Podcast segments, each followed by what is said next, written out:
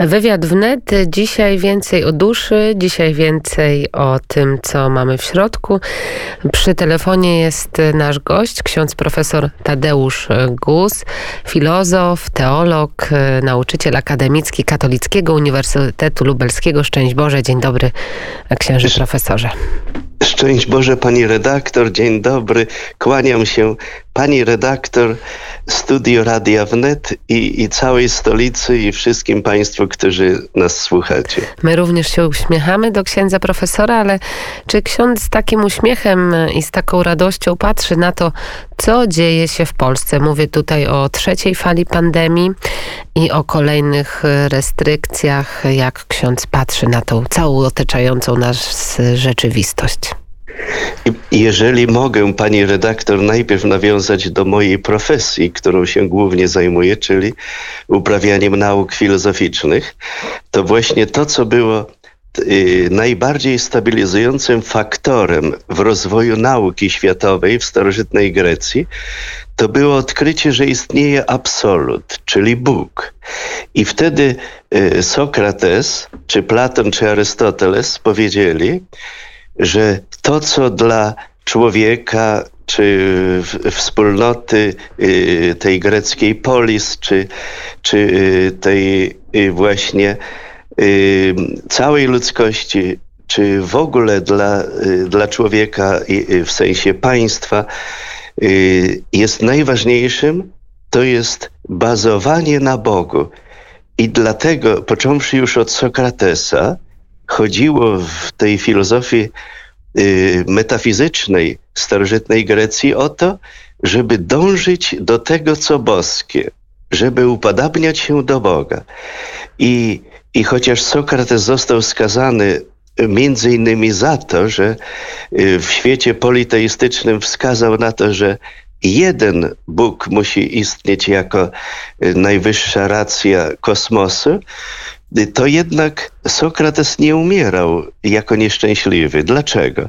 Bo był pewien, y, że nasza dusza jest nieśmiertelna i że nasza dusza po prostu powraca do boskiego świata.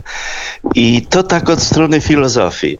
A, a patrząc, drodzy Państwo, od strony teologicznej z kolei i już objawienia prawdziwego Pana Boga w Starym i Nowym Testamencie, czyli w odwiecznej osobie Syna Bożego Jezusa Chrystusa, to drodzy Państwo, najwspanialszym faktorem takim stabilizacyjnym dla człowieka, także dla tego okresu ostatnich miesięcy, to wydaje mi się być bezsprzecznie ta postawa sakramentalna, czyli wiemy, że w nauce katolickiego chrześcijaństwa sakrament to jest realna obecność Pana Boga pośród nas. I w związku z tym człowiek sakramentalny to jest taki człowiek, który y, jest we wspólnocie z Bogiem, który jest absolutnie wieczny i doskonały i, i pełen y, y, pełen świętości, jak mówimy to w języku Ewangelii czy w nauczaniu Kościoła. I drodzy Państwo, powiem szczerze, takie moje osobiste świadectwo, że gdybym nie był człowiekiem sakramentalnym, to człowiek byłby strzępkiem nerwów, yy, czy strzępkiem takiego istnienia w ogóle. Dlatego Y, ze wszechmiar i najserdeczniej, jak tylko potrafię, zachęcam wszystkich Państwa do udziału w życiu sakramentalnym. To jest coś najwspanialszego, najcudowniejszego, czego możemy jako ludzie na ziemi doświadczyć. To jest, no to jest ten jeden aspekt, a jeżeli tak bardziej przyziemnie ksiądz profesor by spojrzał o to, co wspomniałam na początku, jak my mamy dzisiaj odnaleźć się w tej rzeczywistości, bo to, co najbardziej istotne dla wielu z nas, czyli prawo do pracy, zostało nam odebrane. Osobiście uważam, że niepotrzebne są, jakkolwiek byśmy nie sądzili o tej kwestii medycznej, y, czy stabilności w sensie y, zdrowotnym naszego człowieczeństwa, to uważam, że, że należałoby rozumnie podchodzić do tych kwestii i, i kwestie gospodarcze pozostawić y, właścicielom firm czy podmiotom firm gospodarczych. Oni przecież najlepiej wiedzą, jaka jest kondycja zdrowotna ich współpracowników. I, i tutaj uważam, że za poważny błąd y, paraliżowanie gospodarki, to nie tylko w Polsce, ale i w Unii Europejskiej. I, Na świecie w, innych, w ogóle. Na świecie, tak.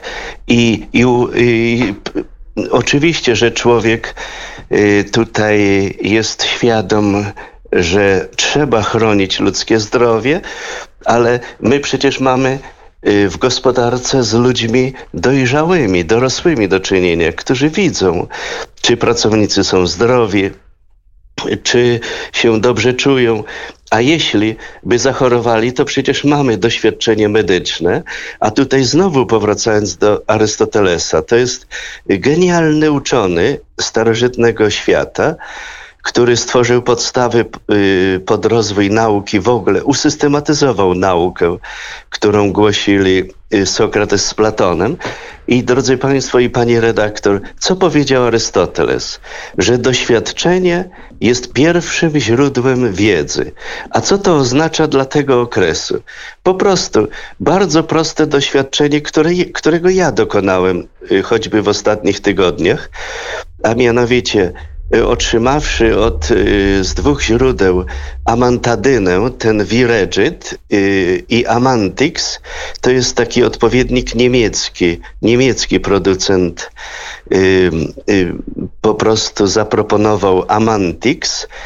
To są leki, które w stu procentach leczą wszystkich, przynajmniej w moim otoczeniu, i mówię to w świetle mojego doświadczenia osobistego, wszystkich, którzy zachorowali na, na ten, ten, tę odmianę wirusa, wszyscy zostali uleczeni, stali, stanęli na nogach, tylko poprzez zaaplikowanie tego albo wiregitu, albo amantixu, albo jeszcze jest taki arechin.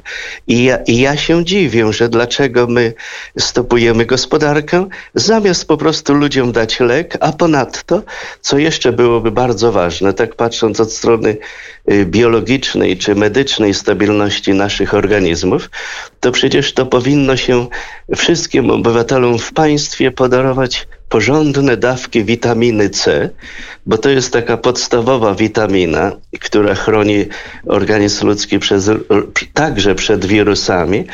I, i zabezpieczyć y, ten y, zasób witaminowy y, naszego polskiego organizmu, Y, umocnić człowieka także lekami ziołowymi czy herbatami tak, ziołowymi. trzeba się wzmacniać i trzeba dbać też tak. o odporność. Ale proszę księdza, a jak ksiądz przyjmuje obostrzenia?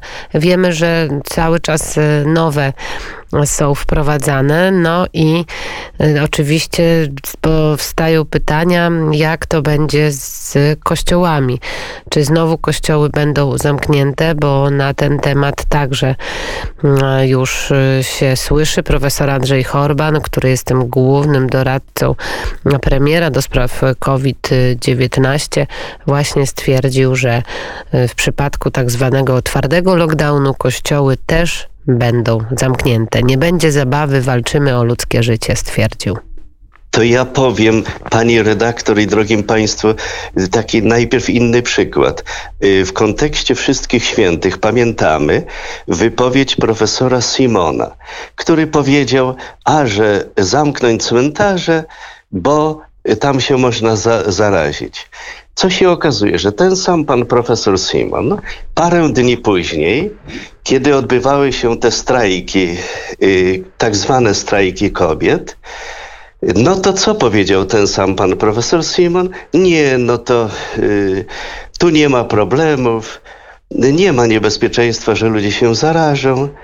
A przecież w strajkach kobiet tyle ludzi uczestniczyło i to y, prawie ramię w ramię, nie?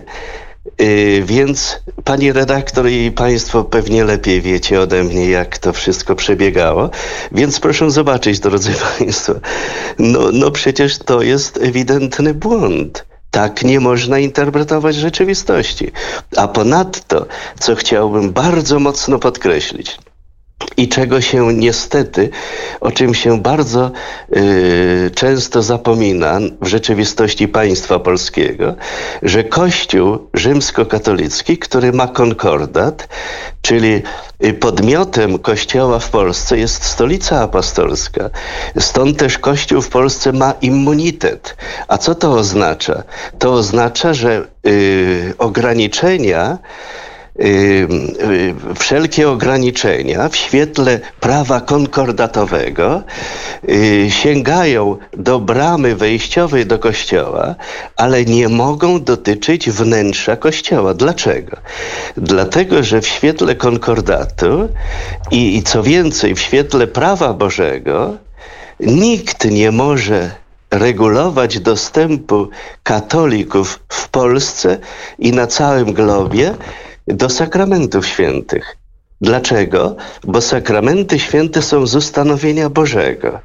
A zatem dostęp do sakramentów świętych, owszem, jeżeli jest jakieś zagrożenie, to państwo tutaj powinno dopomóc w zorganizowaniu y, życia y, Kościoła i to jest rola państwa, tak, żeby umożliwić każdemu katolikowi dostęp do sakramentów świętych, żeby to przebiegało bezpiecznie i bez jakichś y, niepotrzebnych przeszkód. To tak, to podobnie jak mamy przecież y, z otwartymi sklepami, czy, czy spożywczymi, czy gdziekolwiek, innymi galeriami. Y, ale widzimy, że, że przecież sklep musi być otwarty. Dlaczego? Bo człowiek potrzebuje powszedniego chleba. I tak samo w życiu wiarą czy religią, w życiu Kościoła, to Kościół, który ma immunitet, bo naszym podmiotem jest stolica apostolska, a nie państwo polskie, i w związku z tym mamy konkordat między stolicą apostolską w Rzymie a Rzeczą Polską, i uważam, że państwo polskie, jeżeli ma ambicje bycia y, prawym państwem, y, cywilizowanym państwem, to w pierwszym rzędzie państwo polskie powinno także rząd Zjednoczonej Prawicy respektować konkordat. To, to, to jest bardzo istotne i ważne, co mówi ksiądz profesor, a jak ksiądz profesor, to jest to informacja już sprzed niemalże miesiąca, ale co tam się będzie działo, proszę księdza, koło Biłgoraja? Co to za ośrodek powstaje w, na Lubelszczyźnie? Więc bardzo dziękuję pani redaktor za to miłe pytanie. Bo ze wszystkich Więc... stron już został opisany i, i wzdłuż i wszerz skrytykowany niejednokrotnie. Y, tak, więc pytam o źródła. Więc powiem pani redaktor, że chodzi nam o to, pe w pewnym sensie unikatowe dzieło, którego nie ma ani w Polsce, ani w Europie, ani na świecie. Y, nawet powiem, że nawet w Watykanie nie ma takiego dzieła, a mianowicie chodzi o zaprezentowanie y, dziejów y, filozofii w pigułce i oczywiście także w pigułce tak jakby istotnych prawd naszej wiary. Czyli chodzi o, o, o to, że chcemy zbudować dom filozofii starożytnej, bo tak jak nawet w naszej rozmowie y, z panią redaktor. I drodzy państwo, nadmieniamy starożytnych myślicieli, ale przeciętny Polak, czy dziecko, czy młody chłopiec, dziewczynka, czy student nie mają takiej sposobności, żeby na przykład tak zobaczyć te dzieje filozofii od y, presokratyków, y, od Talesa z Miletu, Pitagorasa, Y, Anaksymandra, czy Anaksymenesa, czy innych, nie mówiąc o Sokratesie, Platonie, Arystotelesie, poprzez Cycerona, czyli rzymską tradycję filozofii. Później oczywiście różnych filozofów z różnych narodów, kontynentów.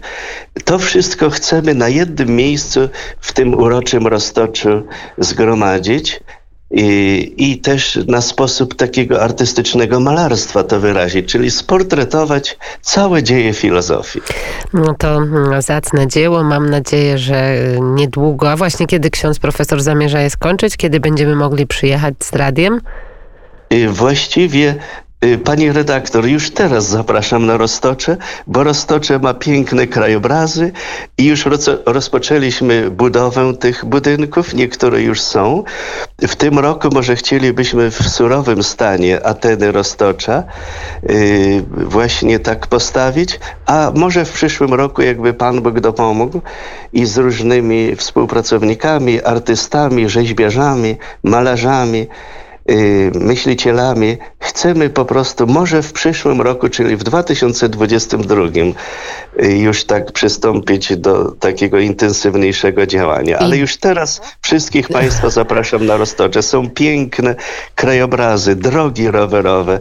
Jest tyle jodu na Roztoczu, po przeprowadzonych badaniach, ile jest nad Bałtykiem, gdzie się właściwie teraz znajdują tutaj w okolicach Szczecina no to, no to bardzo ważna informacja dla tych, którzy nad morze nie mogą się wybrać i właśnie co ksiądz profesor dzisiaj będzie robił w Szczecinie i jak nasi słuchacze mogą w tym uczestniczyć, proszę powiedzieć na koniec. Dzisiaj o godzinie 11 przed południem rozpocznę takie seminarium o bardzo ciekawej tematyce, która mnie samego też od lat pasjonuje. Tym bardziej, że zajmowałem się na uniwersytecie przez szereg lat filozofią prawa, a mianowicie ta problematyka wciąż dyskutowana o tym, w jakim sensie Pan Jezus jest królem, władcą. I o tych sprawach będziemy dyskutować i będzie transmisja online. Bardzo e, zachęcamy tych, którzy chcą z księdzem profesorem uczestniczyć w wykładzie. Wykład, tematyka będzie czego dotyczyć? Y, właśnie bytowości Pana Jezusa Chrystusa jako króla. Bardzo dziękuję. Czyli tak? Właśnie to jest problematyka źródła władzy, pochodzenia władzy, istoty władzy. Y, to jest ta tematyka. I dlaczego tutaj Pan, osoba boska Pana Jezusa Chrystusa jest taką centralną postacią? Bardzo dziękuję. Ksiądz profesor Tadeusz Gus, filozof, teolog, nauczyciel akademicki Katolickiego Uniwersytetu Lubelskiego. Dziękuję pięknie i życzę pięknego dnia. Szczęść Boże z Panem Bogiem. Dziękuję serdecznie pani redaktor i wszystkim państwu. Kłaniam się pięknie, życzę błogosławionego dnia i jeżeli się nie usłyszymy, także błogosławionego wielkiego tygodnia i wielkiej nocy zmartwychwstania państwu. Wzajemnie bardzo dziękujemy z Panem Bogiem. Z Panem Bogiem. 8.34, a my za kilka chwil zupełnie, zupełnie zmienimy tematykę i będziemy rozmawiać o tym też, co bardzo ważne, o pieniądzach.